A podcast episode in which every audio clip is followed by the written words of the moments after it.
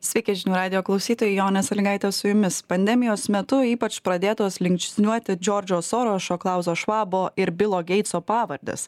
Dalis visuomenės patikėjo kad naudodamiesi pandemija keli turtingiausi pasaulio žmonės sukūrė masių kontrolės mechanizmą. Skelbiama ir apie didįjį perkrovimą neva pasinaudojant pandemija pasaulinis elitas siekia sunaikinti kapitalizmą ir įgyvendinti radikalius socialinius pokyčius.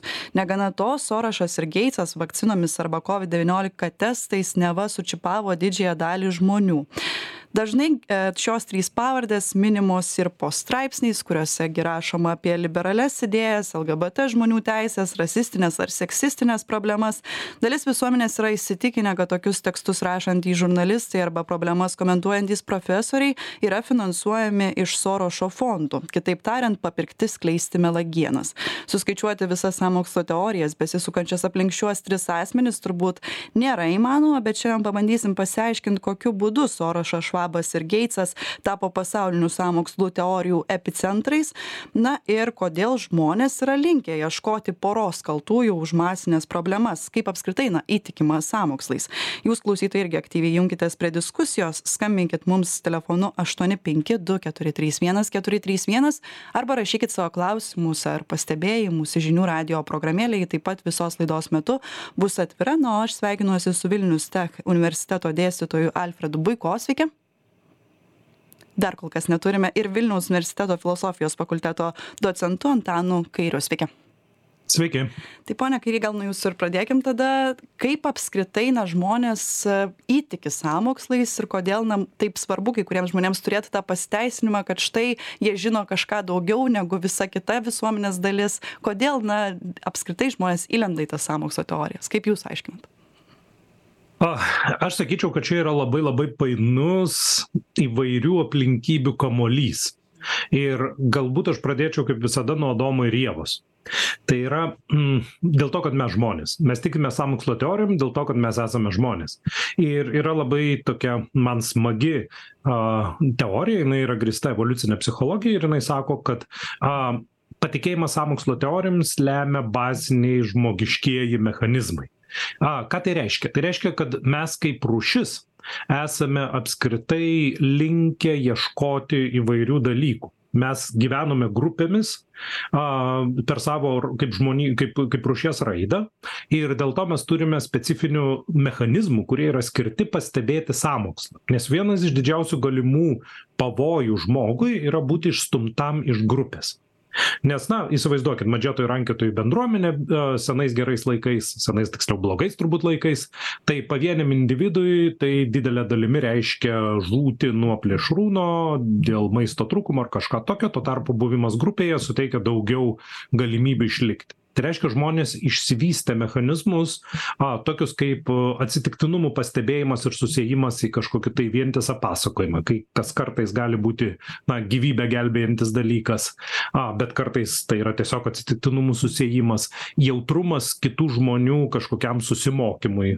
Tai ir iš tikrųjų na vat šiuolaikinėje visuomenėje tie vat baziniai mechanizmai kurie mum padėjo išgyventi dabar na kartais reiškiasi labai keistai na tiesiog mes ieškome tų sutapimų įvairiose srity įvairiose srityse. Na ir pavyzdžiui juos randame nes iš tikrųjų šiuolaikiniam pasauly sutapimų yra daug. Ir lygiai taip pat mes na vat esame linkę aiškinti kažkokius vien kažkokius įvykius a na kitų grupių veikimu prieš mus arba grupės dalies veikimu prieš mus. Bet šalia to šiuolaikiniame pasaulyje mes turime gausybę kitų veiksnių. Mes turime socialinės nelygybės kažkokio neteisingumo aspektus mes turime socialinių tinklų veikimą grupavimąsi į grupes juose ir tai kaip sklinda tenai informacija. Na ir iš tikrųjų aš tai sakyčiau kad nu mes turim tą situaciją kai šiuolaikinis pasaulis a sąveikauja su baziniais mūsų psichologiniais mechanizmais mūsų kaip rūšies psichologiniais mechanizmais. Ir na vat mes turime tokį galbūt sąmokslo teorijų su suaktyvėjimą. Nepaisant to kad vat kolega turbūt patvirtins kad jos buvo visais visais laikais. Dar jums dar vienas klausimas. Sur surandame tarsi na kelias tas e, turtingųjų pavardes ar ne? Štai čia šiandien kalbam apie geitsą švabą ir sorošą. Ir būtent juos tarsi apkaltiname dėl daugybės dalykų kurie vyksta ar ne? Na dalis žmonių taip e, linkę padaryti tai čia jūs irgi sietumėt su būtent pavyzdžiui pajamų nelygybe kad na mes turtinguosius kažkaip matome kaip tuos piktadarius ar nebūtinai Tai turbūt pagal apibrėžimą sąmokslo teorija turėtų būt nutaikyta į kažką, kas turi pajėgti kažką daryti. O šiuo atveju būtų labai keista turėti sąmokslo teoriją apie žmonių grupę, kuri nieko negali padaryti. Nu, ta, tai būtų keista, bet iš tikrųjų vėlgi, a, šitoje vietoje aš gal, gal dar pridėčiau vieną svarbų dalyką, kad žmonės apskritai yra linkę labai daug dėmesio kreipti į veikėjus ir mažai kreipti dėmesio į aplinkybes tai irgi vienas iš mūsų bazinių psichologinių mechanizmų tai yra vadinama pagrindinė atribucijos klaida bet nu jinai iš esmės reiškia kad jeigu įvyksta kažkas mes ieškome kaltininko veikėjo o ne bandome žiūrėti aplinkybes dažniau. Tai šiuo atveju na natūralu kad jeigu mes jau ren nu mūsų psichologiniai mechanizmai suveikia taip kad mes ieškome a ieškome priežasčių tai tikėtina priežastys susijusios su žmonėmis įtakingais žmonėmis įtakingų žmonių grupėmis mum iškils lengviau geriau negu galvojimas apie sudėtingų sistemų tarpusavio sąveiką apie ten kažkokius e, tarptautinius procesus kurie suveikė kažkaip ir ten va tai kažkas gavosi. Tas yra gerokai sudėtingiau. Man vat man net kalbėjimo metu yra daug sunkiau pasakyti iš galvos kažkokią vat sisteminę situacinę priežastį negu sakyt nu tai nu vat kalti yra pasaulio turtingieji galingieji arba slapta organizacija. Vilnius tech universiteto dėstytojas alfredas buiko prie mūsų prisijungė. Sveiki. Sveiki ar girdit mus? Laba diena taip tai daugelio sąmokslų epicentrais kaip mes šiandien ir kalbam yra tapę būtent geitsas sorošas ir švabas. Nežinau ar čia reikėtų juos į vieną grupę priskirti bet veikiausiai įmanoma tai padaryti nes štai tarsi prasidėjo viskas jav bet lietuvoje irgi labai pandemijos metu suaktyvėjo šios trys pavardės ir visur tos pavardės yra kišamos prie visokių problemų kurios na kurias žmonės mato kaip problemas. Kaip jūs aiškinat kodėl būtent šie žmonės tapo tais sąmokslo teorijų taikiniais na pirmiausia tikriausiai todėl kad būtent šie trys žmonės yra suvokiami dėl savo politinių ir papildomų veiklų dešinės politinę dešinių politinių jėgų kaip na už blogį atsakingi individai a tai nereiškia kad beje a kairė neturi panašių a dalykų. A tiesiog kairė turi kitokius individus. Pavyzdžiui henris kisindžeris atlieka švabo ir sorošo funkciją a kairės a politinių pažiūrų asmenų sąmokslo teorijos. Bet kadangi tiek bilas geitsas tiek sorošas aš nežinau tiek dėl švabo buvo susiję su įvairiais naujų politinių idėjų a platinimo a veiksmais su įvairia a a politine ekonomine finansine parama.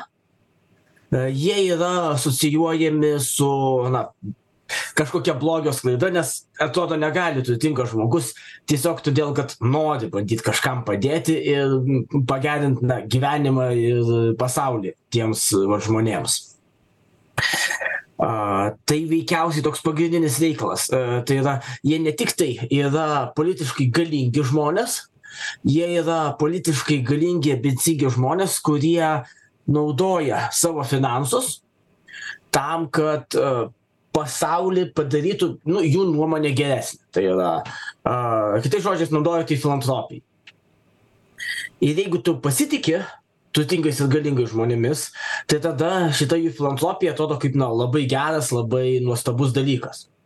Bet jei tu jais nepasitiki tada pirmas klausimas yra ką jie iš tikrųjų bando tuo pasiekti. Ir nieko keista kad žmonės kurie jais nepasitiki ypač kadangi sorošas ir geitsas yra labai aiškiai na to ką jav respublikonai pavyzdžiui vadintų kairuoliškos pažiūros šiaip jie centristai absoliutūs bet na a nelabai yra kur labiau centristu būti a bet tie kas yra prijaučia tokiai stipriai dešinei a jiems viskas į kairę. Nuo jos yra a na kairuoliai ir todėl jie suvokia kaip vat potencialų puolimą prieš juos pačius. Vos ne kažką tokio na žiūrint iš tos socialinės perspektyvos aš matau kur jūs lenkiat. Jūs lenkiat prie to kad tai labiau na turbūt ideologinis klausimas. Tai yra radikalios dešinės e, tapęs kairiųjų taikiniu. Būtent e, šie trys asmenys iš socialinės politikos pusės turbūt labai suprantama tai nes na vėlgi čia aš minėjau ir per įžangą kad kai yra apie liberalias idėjas apie lgbt žmonių teises apie seksistines ar rasistines problemas kalbam visuomet šie asmenys pabrėžiami. Bet žiūrint iš ekonominės perspektyvos kodėl na irgi taip atrodo nes e, veikiausiai šie žmonės daugiau pavyzdžiui kalba apie tą pačią pajamų nelygybę kad ją reikia spręsti ir panašiai tai tarsi atrodytų kad kaip tik stengiasi padėti žmonėms bet jie vis tiek yra matomi kaip blogis ar kaip čia suprast? Taip, plus uh, daugiausia todėl, kad na, iš tokios uh, rimtos dešinės požiūrio taško bandymai spręsti kokią nors pajamų neligybę, ar šiaip neligybė dažnai gali būti suvokiama kaip blogis, nes nu, iš tokios labai labai stiprios dešinės laikomasi požiūrio, kad žmonės yra natūraliai skirtingi, žmonių socialinę padėtį lemia ne atsitiktinumai, bet jų asmeninis darbas ir jų asmeniniai na, sugebėjimai. Ir todėl bet koks bandymas tą perskirstyti yra absoliutus blogis. Tas labai matėsi prieš porą mėnesių, kai Elonas Muskas parašė visą tą tvytą, kuriame sakė, kad Sorošas yra vienas blogiausių žmonių istorijoje, kas reiškia, kad pats Elonas Maskas bijo Sorošo, suvokia jį kaip, nu, už pinigų perskirstimą, ideologiją ir blogį atsakingą asmenį. Bet vat aš dabar esu atsidaręs ir jei pasižiūri į netvuosą, nu, kiek yra kiekvienas vertas, tai Elno Masko turto šiuo metu yra 225,5 milijardai dolerių, o Sorošo turtas yra 6,7, kas savo ruoštų reiškia, kiek čia būtų,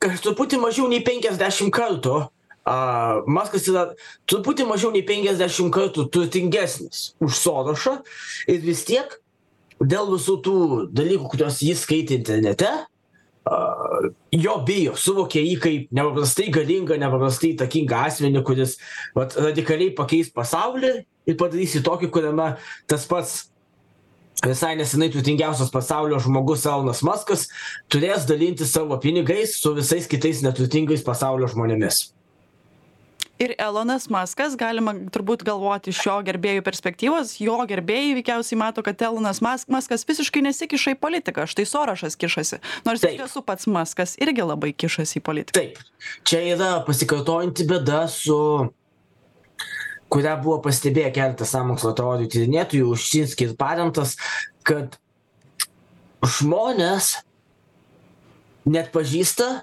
savo politinėms pažiūroms prijaučiančių žmonių veikimo ir kišimosi į politiką kaip kišimosi į politiką. Tai yra kairuoliai atpažįsta Henrio Kissingerio, e, Elno Musko veikimą kaip kišimasi į politiką, bet iš jų požiūrio taško, nuo Sorošo ir Geitso veiksmai nėra jokių atvejų kišimasis į politiką. Iš dešiniosios pusės, požiūrio, e, iš dešiniosios pusės yra atvirkščiai. Tie atpažįsta Geitso, Sorošo ir kitų veikimą kaip kišimas į politiką, bet jie mus Donaldo Trumpo, uh, Elno Musko ar Henrio Kissingerio pasisakymą nėra joks čia kišimasis, jie tiesiog konstatuoja faktus ir sako tai, kaip yra. Ir čia yra pagrindinė bėda, su kuria susidurėm, nes vat, matomas, uh, matomas krislas kito akį, bet nerastas savoji. Tas yra nuolatinė šiuolaikinės politikos problema pone kairy sorošas švabas geitsas perka žiniasklaidą perka ir politikus. Toks labai irgi dažnas naratyvas. Paprasčiausiai žmonės nesu nesupranta kaip ten koks profesorius gali tam tikrom temom būtent taip pasisakyt o ne kitaip. Tai pradeda galvot kad tai veikiausiai čia jau iš sorošo fondų ateina toks mąstymas ir panašiai.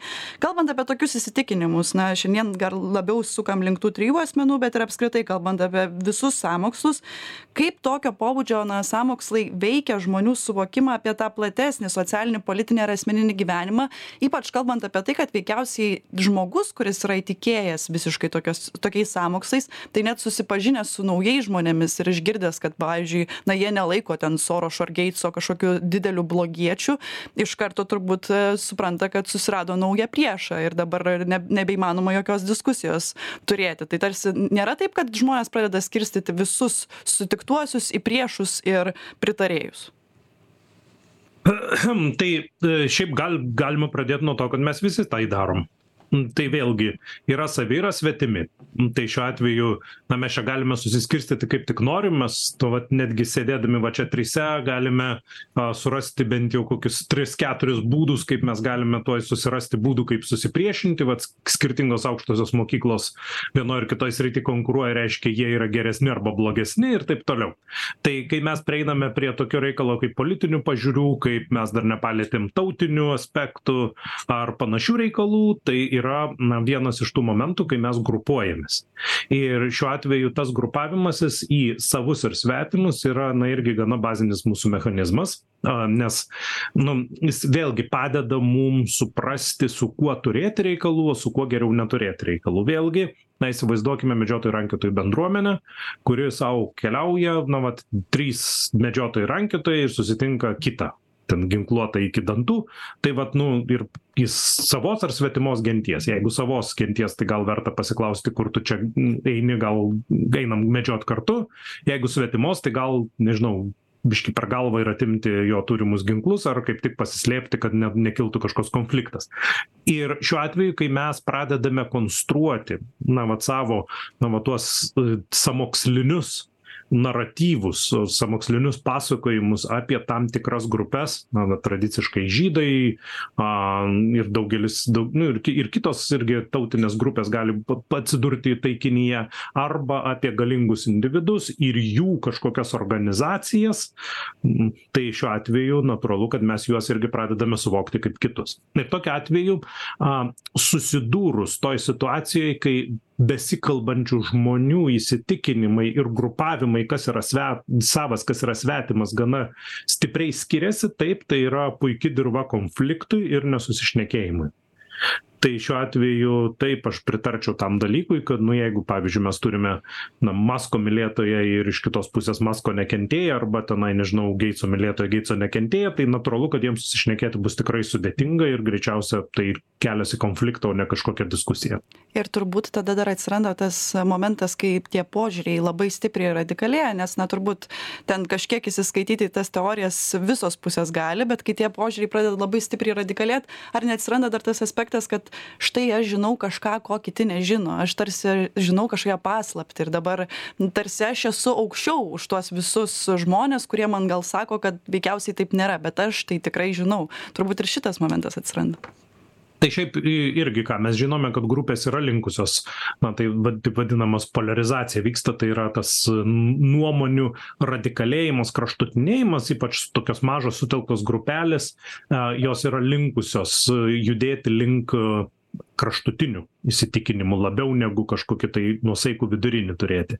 Ir socialiniai tinklai ypač skatina šitą dalyką nes ten vykstantys procesai jie yra greitesni jie yra labiau labiau emocionalizuoti ir visokie kitokie. Tai galutiniam variante taip nuomonės nuomonės yra linkusios radikalėti a kitas dalykas kas yra kas yra kalbant vat apie a tą jausmą kad aš žinau kažką ko kiti nežino tai vėlgi tai yra dažnai na vat sąmokslo teorijos pačiame turinyje užkoduota. Kitas dalykas vėlgi tyrimai rodo kad žmonės kurie apskritai yra linkę į tai kad na jausti tam tikrą išskirtinumą arba orientuotis į tai kad mm jie turi kažkokių tai specifinių žinių kad jie turi nu vat kažkokią tai galią ar dar kažką tai vat šitas jausmas paprastai tyrimuose yra nustatomas kaip besisiejantis su didesniu konspiracinių įsitikinimų kiekiu.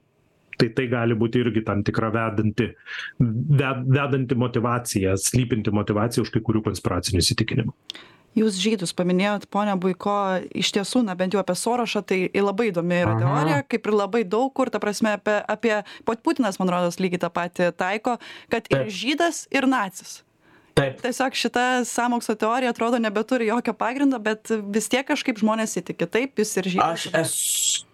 Aš esu girdėjęs žmonių kurie tiesiai šviesiai man teigė jog žydai ir kad naciai buvo tikrieji žydai. Holokausto metu buvo išžudyti baltaodžiai arijai ir dabartinė vokietija yra kontroliuojama žydų a valstybė. Tai tikrai yra žmonių kurie sugeba šituos atrodytų nesuderinamus įsitikinimus visiškai kartu apjungti. Plius yra ta bėda kad matot a žydas tikrovėje nu, kaip asmuo, kaip tikras žmogus. Ir e, žydas e, kultūrinėje sąmonėje, tokioj kultūriniai sąmokslo mitologija yra labai skirtingi padarai. Lygiai tas pats su homoseksualais. Tai yra homoseksualai tikrovė ir homoseksualai, tai kaip jie yra įsivaizduojami sąmokslo teoretikų, yra labai uh, skirtingos būtybės. Tai yra antrieji yra labiau mitologinės būtybės artimesnės laumėms, velniams ir kitiems panašiems padarams negu tikriems žmonėms nes jeigu vat pavyzdžiui pasižiūri į tai kaip sąmokslo teorijos yra suvokiami tiek vieni tiek kiti tai yra žydas visada yra labai turtingas įtakingas ir išsilavinęs žmogus kuris naudoja savo įtaką pasaulio kontrolei. Homoseksualas visada yra irgi išsilavinęs įtakingas turtingas žmogus kuris yra kažkaip susijęs su estetika a pavyzdžiui dizainu a mada dar kažkuo ir irgi tuo naudojasi a kad menu ir tuo naudojasi kad pakeistų ir kontroliuotų a žmonių įsitikinimus ir suvokimus. O tai kad lygiai tiek pat pakankamai daug tiek vienų tiek kitų gali būti traktoristai a kasininkai dirbti santechnikais ar ūkininkais šiomis dienomis. Apie tai žmonės net nepamąsto kai jiems pasakai įsivaizduok homoseksualų ūkininką jiems užlūžta smegenys. Nes nu kaip čia taip? Čia ne nebūna tokių dalykų. Tai yra jei tau patinka vyrai tu privalai būti dizaineris. Tai yra nu kažkas tokio. Ir dėl tos priežasties jei tu pasieki pakankamai didelį politinės ar ekonominės galios laipsnį žmonės automatiškai pradės tave žiūrėti labiau kaip tą kaip yra pasakius kaip tą mitologinę būtybę demonizuoti. Ir dėl to būna tas kad bilas geitsas yra apšaukiamas tiek homoseksualų tiek žydų. Tas pats galioja beje elonui maskui kuris buvo apšauktas žydų net vos tiktai tapo turtingiausiu pasaulio žmogumi nes kaip gali būti turtingiausias pasaulio žmogus baltaodis iš pietų afrikos respublikos neturintis jokio žydų kraujo. Iš sąmokslo teoretiko perspektyvos nu taip nebūna. Vadinasi jis tiesiog slepia savo a tikrąją tautybę bando na apsimetinėti esantis kažkuo kitu. Ir čia pakankamai pasikartojančios bėdos. Pavyzdžiui naciai kai užėmė Lietuvą, kai užėmė Lietuvą, dalį Lenkijos, nu kitas tas vietas, jų naratyvai, kurie prieš tai buvo apie žydų turtą, įtaką ir galę, labai gavos labai stiprų smūgį, kai jie susiduria su štetlais, kuriame gyveno labai daug rytų Europoje, specifiškai Lietuvoje, Lenkijoje, neturtingų žydų. Tai būtent neturtingų žydų kurie užsiiminėjo smulkiaisiais verslais. Pavyzdžiui būdavo a batsiuviai taisydavo žmonių odinius daiktus užsiimdavo smulkiąja prekyba ir atrodytų pats šis faktas turėjo paneigti jų įsitikinimus bet naciai viso labo inkorporavo į tai kaip patvirtinimą apie ta tam tikras blogąsias savybes čia umberto eko savo trumpame straipsnyje ulfašizmas labai gerai sako kad blogio jėga sąmokslo teorijose ir tokiame fašizme visada yra nepaprastai galinga ir nepaprastai silpna tuo pat metu nes jos yra paremtos ne a kokiais nors loginiais pastebėjimais ir suvokimais bet emocijomis. Tai yra tai turi būt tuo pat metu tokia silpna kad galėtų būt įveikta ir tokia stipri kad sukeltų siaubą ir baimę. Po pertraukos pratęsim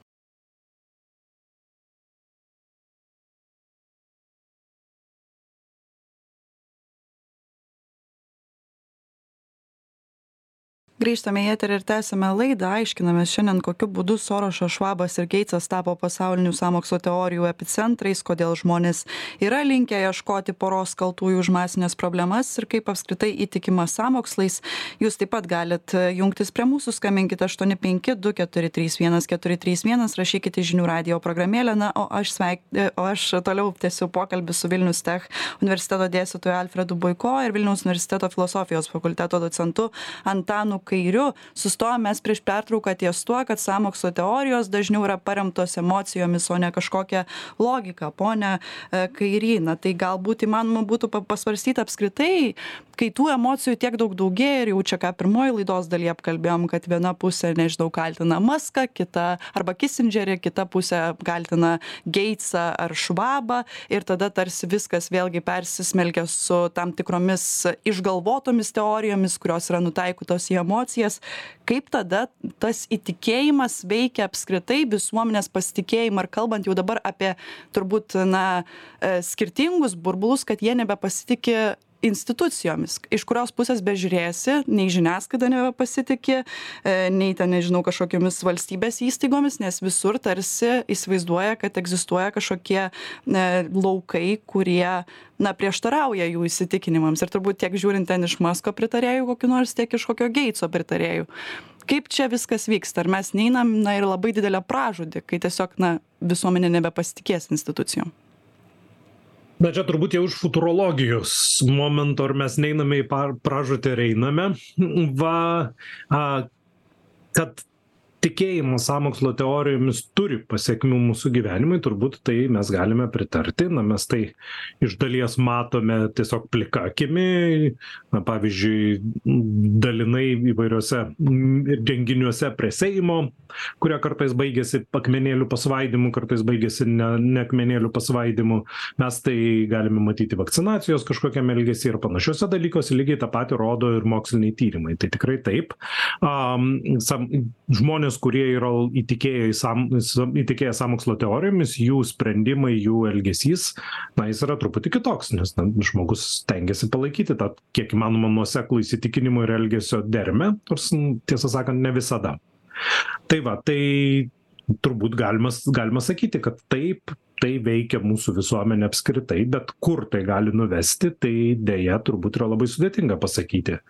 A aš norėčiau manyti kad visuomenė ir žmon žmogus apskritai nu jis turi daug įvairių mechanizmų ir daug įvairių savireguliacinių galių ir kad tas na vis visą laiką egzistavusios aš spėju kad akmens amžiuje egzistavo sąmokslo teorijos kad jos na nesugriaus mūsų visuomenės pone buiko žiūriu ką čia klausytojai rašo. Tai reaguojat taip kad pasaulio ekonomikos forumas ir jų atvira programa pavyzdžiui mažinant emisijas irgi tik sąmokslo teorijos.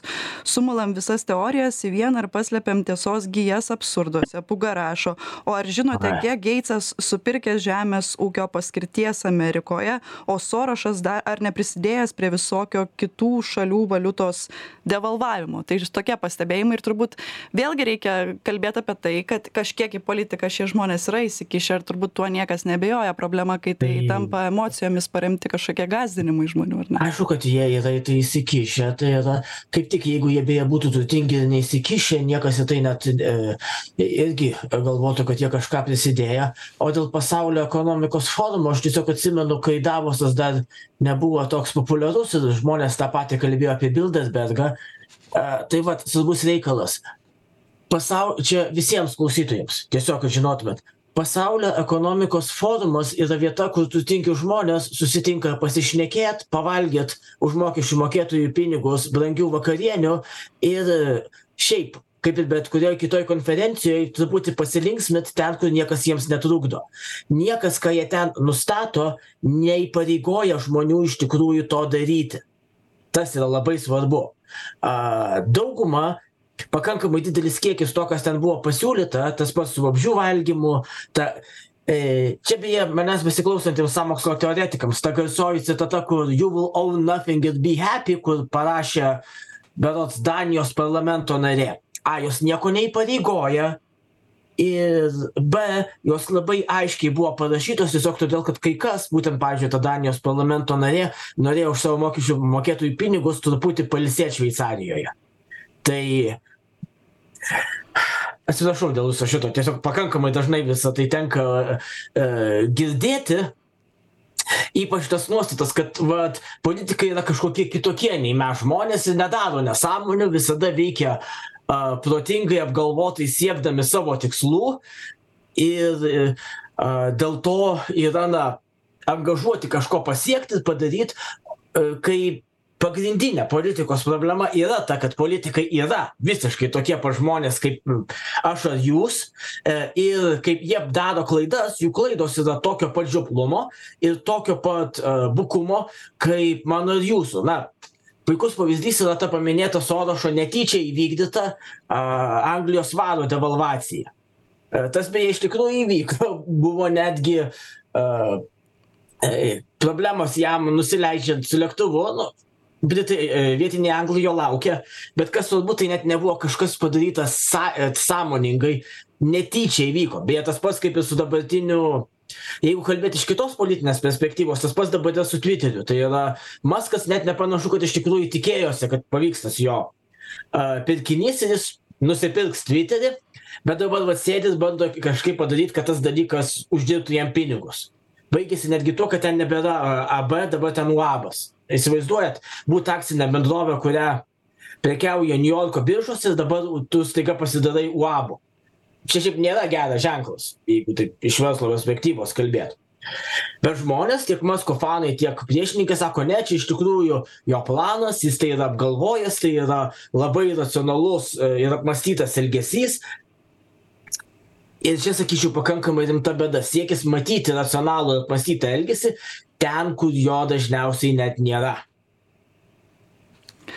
Galia slypi vienose rankose. Čia yra turbūt pagrindas apie kurį reikėtų kalbėt. Pone kairy žmonės turbūt galbūt nebeti nebetiki kad na turi apskritai kažkokią sprendimo laisvę kad jie apskritai kažką sprendžia. Gal dalis visuomenės jau tiesiog yra nežinau netiki turbūt galbūt nei rinkimais kokiais kad jie iš tiesų demokratiškai vyksta kokioj lietuvoj įsivaizduoja kad kažkas už juos viską nusprendžia ir jų balsas nieko nelemia kad ir ką jie sakys jų niekas neklausys ir galbūt čia netgi ir valdžia šiek tiek prie to prisideda. Na aišku visą laiką akcentuojamas pandemijos pavyzdys išvadinti ten žmones kurie nepasitiki skiepais antivakseriais iškart ir nebandyt kažkaip e, diskutuoti su jais gražiau bet galbūt ir iš pykčio tai kyla na kad žmonės tiesiog galvoja ai aš jau nebegaliu niekur reikštis nes mane valdžia mato kaip kažkokį priešą. Tai turbūt čia irgi yra tos problematikos daug.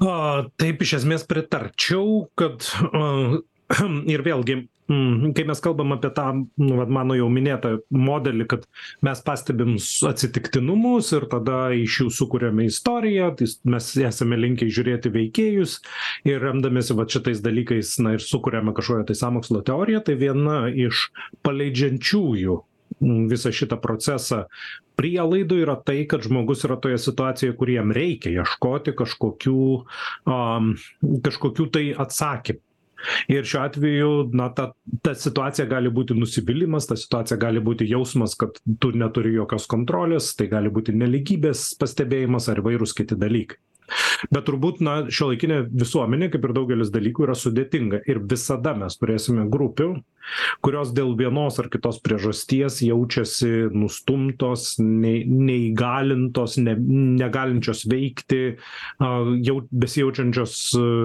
nepelnytai pažemintos.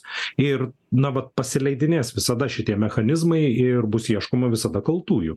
Tai šiuo atveju turbūt tuo nereikėtų stebėtis ir bet iš kitos pusės kuo mūsų visuomenė turės daugiau kažkokių požeminių ir povandeninių įtampų tuo didesnė tikimybė kad mes turėsime problemų su sąmokslo teorijom su melagingom naujienom su nepasitenkinimu ir na įvairiom formom išvirstančiu elgesiu turėjom mes visą laiką tą susigrupavimą ir tarsi tuos burbulus apie juos labai jau ilgą laiką kalbam. Dabar štai ką matom na iš to paties tviterio kad galbūt jau galiausiai netgi tie socialiniai burbulai turės ir atskirus socialinius tinklus kai jau apskritai nebeįmanoma kitos minties pamatyt.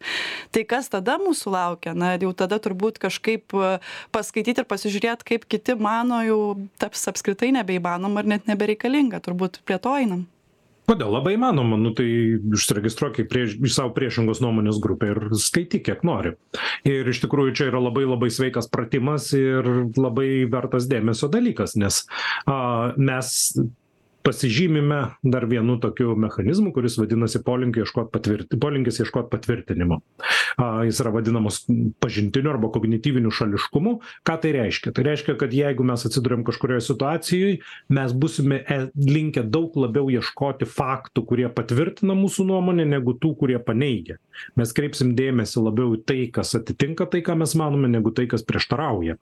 Ir šiuo atveju iš tikrųjų aš sakyčiau kad vienas iš sveikiausių pratimų mūsų gyvenime yra a periodiškai žiūrėti a skaityti dalyvauti tenai kur gana ryškiai prieštarauja mūsų nuomonei jeigu mes balsuojam už dešiniuosius mes keliaujam kairiųjų a kairiųjų diskusijas. Jeigu mes a palaikome vakcinaciją mes pasiskaitome ką kalba apie tai vakcinų priešininkai ir taip toliau ir taip ir panašiai. Tai elementariausiai plės mūsų a mūsų akiratį. Kur aš matau turbūt didesnį pavojų kad šie mūsų skilimai ta poliarizacija ir mūsų polinkis grupuotis į grupes yra labai naudinga politinėj plotmėje. Tai yra politikui vienas iš geriausių dalykų yra sukurti savo palaikytojų grupę ir ją priešintis su kitoj su kitom grupėm. Tokiu atveju dažnai tikslas nėra įtikinti didesnę visuomenės grupę bet ma mobilizuotų savo rinkėjus a paskatinti ir toliau palaikyti ir balsuoti už tam tikrą politiką. Tai šiuo atveju tai labai drastiškai didina įtampas ir va tas nuolatinis vienos ar kitos savos palaikytojų grupės kurstymas mano galva yra na vat stipriai ardantis mūsų visuomenę dalykas. I jis turbūt irgi visada buvo bet na vat šiuolaikiniai šiuolaikinė žiniasklaida socialiniai tinklai ypač a jinai duoda tribūną daug lengvesnę margal marginaliem ir ekstremalesniem politikam kurie naudojasi vat šita įtampos didinimu ir ir skaldymu tam kad susikeltų savo reitingus tam tikroj visuomenės daly pone buiko dar žiūrint į istorinius puslapius kodėl tai sąmokslo teorijom dabar galbūt ir lengviau yra įtikėt nes yra tų pavyzdžių kai tam tikri melai pasitvirtino ir ir pasklido tam tikri sąmokslai pasitvirtino. Nežinau kažkaip votergeito skandalą dabar prisiminiau bet taip taip bet tada staiga picageito skandalu jau irgi visi tiki nes štai turėjo votergeito skandalą. Lygiai tas pats turbūt ir pavyzdžių nereikia labai toli ieškot. Čia į lietuvos seimą pasižiūri pedofilijos skandalas ir štai turbūt nuo mūsų visą laiką slėpė kažką. Tai taip taip tas yra dėl to vyksta. Plius yra pavyzdžiui rimta bėda kad labai dažnai tos sąmokslo teorijos yra a labai viską supaprastina. Pavyzdžiui vat ką tik atsidariau dėl tos svaro devalvacijos pasiskaityt kas tiksliai vyko. Ir jei taip kalbėt iš investicinės perspektyvos tai čia sorošas viso labo pasinaudojo situacija kurią sukėlė tas pats jungtinės karalys tas pats a jungtinės karalystės bankas kuris a pasiūlė a tai yra nelikinius nelikinius procentus už pinigų laikymą tikėdamasi pritraukti daugiau svaro a žmonių investuoti į svarą a sorošo ir na palaikydama erm o sorošas tiesiog pastebėjo kad tai yra a nefunkcionuojantis pats savaime neįmanomas palaikyt dalykas kuris anksčiau ar vėliau subyrės ir todėl viso labo nusprendė šiotinti arba e svarą tai yra pasiskolino labai daug svarų juos pardavė už kitą valiutą laukdamas kol svaro suma galiausiai nukris ir jis galės susipirkti jį atgal ir grąžinti. Ir jis tą beje padarė. Ir pastebėjo žmonės šiuo atveju visi kaltino visų pirmiausia sorošą kad esą jeigu jis nebūtų spekuliavęs tai savaime ekonomiškai neįmanomas palaikyti a svaro ekonomiškai neįmanoma palaikyt svaro situaciją tuo metu prieš vokietijos reichsmarkę būtų išsilaikiusi visi svaras toliau būtų ekonomiškai augęs nepaisant ekonominių tuometinių jungtinės karalystės problemų visi būtų gyvenę šokolade. Kai tikrovėje yra kad aukštesni politikai ir bankininkai padarė ne tokių jau ypatingai protingų sprendimų sorošas viso labo pasinaudojo tuom kaip galimybe praturtėti. Vis pirmiausia beje ne su sąmokslu o susijusia su verslu. Jis labai daug kalbėjo apie tai kad tai yra nepalaikoma kad to neįmanoma daryt ir būtent todėl jis investuoja statydamas prieš svaro tolesnį išlikimą. Bet pabaigoje tai buvo pranešta kaip apkal kaip kaltinimas kad būtent sorošas už tai buvo atsakingas a kai jis viso labo pasinaudojo aplinkybėmis ir tas nuolat pasikartoja sąmokslo teorijose. A kitais žodžiais ne tik tai bėda kad nesusiję dalykai bet irgi nusikaltimai problemos nu pedofilijos skandalas seime yra naudojami patvirtint kitas nebūtinai susijusias a laiku ir erdvėje bet susijusias tematiškai per simbolių sąmokslo teorijas bet ir dalykai kuriuose žmonės iš tikrųjų padarė kažką kas paveikė kitų gyvenimus a po to yra aiškinami tokiu būdu tarsi tai būtų buvę labai apmąstyta labai protinga labai suplanuota o ne tiesiog kaip aš sakau aplinkybės kuriomis buvo pasinaudota savo naudai. Tų sąmokslų kūrėjai ar jie na supranta kad jie kalba galbūt kartais nesąmones ir ir tiesiog susieja visiškai nesusiejamus dalykus kad vadovaujasi emocijomis? Ar tai tiesiog dažniausiai tos sąmokslo teorijos ir susikuria būtent per emociją? Kaip jūs manytumėt? A tie kurie tai daro per emocijas ar ne mes tai yra mažiausia bėda. Didžiausia problema yra sąmokslo teorijų kūrėjai kuriems pati tiesa ar tas sąmokslas teisingas ar ne nerūpi ir kurie tai naudoja kaip būdą uždirbt pinigus. Aleksas džonsas beje solovjovas rusijoj irgi labai puikus pavyzdys. A duginas kažkiek vat tai grupei a nėra visiškai tas pats bet tikrai jai a bent iš dalies priklauso. Žinot žmonės kurie nei iš iš tikrųjų nelabai kažkuo tiki ir tiesiog a ims ir sukabliuos skirtingus naratyvus į dideles sąmokslo teorijas ir bandys jas parduoti kaip produktą. Čia viena priežasčių kodėl pavyzdžiui deividas saikas tas kuris apie driežažmogius rašo man lyginant su kitais sąmokslo teoretikais iš tikrųjų patinka. Jis bent jau tiki tuo kuo kalba. A tai yra jam bent jau rūpi tai apie ką jis kalba ir a jis yra įsitikinęs tuo kad tai ką jis sako yra svarbu ir naudinga tuo metu kai žymiai didesnė bėda yra na ciniški a sąmokslo teorijų kūrėjai manipuliatoriai kuriems iš tikrųjų visiškai nesvarbu tiesą jie sako ar ne? Jie tiesiog siekia sukurti naujus naratyvus kuriuos po to parduotų kitiems sąmokslo teoretikams nu kad jie žiūrėtų per jutubą klausytųsi laidas gal nusipirktų knygas apie tai ir taip patogiai iš to gyventų ir tada keičiasi sąmokslo teorijos kurias tie vat žmonės pardavinėja priklausomai nuo to kas populiariausia tuo metu.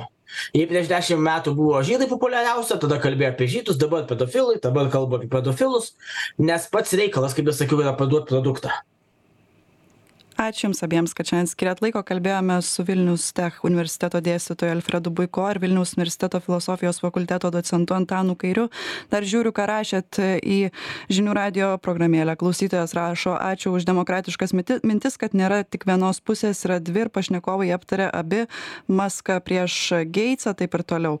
E, vytautas rašo laida kodėl žmonės tiki sąmokslo teorijomis o pašnekovai turtuoliai susirenka ir nusprendžia už akių kokią politiką remt. Taip kad pašnekovai pašnekovai tik patvirtino kad sąmokslai egzistuoja. Klausytojas labai teisinga mintis. Mano daug pažįstamų balsavo už kairiuosius bet dėl abejonės skiepų val valdymu išvadinti antivakseriai antivakseriais tikrai nusivylė valdžia ir sigitas. Kol kas visos sąmokslo teorijos iki vienos pildosi. Na pavyzdžiui priims nekilnojamo turto mokestį žmogus nebepajėgs jo išlaikyti ir bus priverstas parduoti. Vat nieko neturėsite ir būsite laimingi. Apie nekilnojamą turtą dar tikrai tikiu kad kolegos diskutuos ne kartą. Na o klausytojams noriu pasakyti kad ačiū kad dalyvavot diskusijoj ačiū kad klausėt. Šią laidą vedžiau aš jonė salygaitė ir sakau jums iki kitų kartų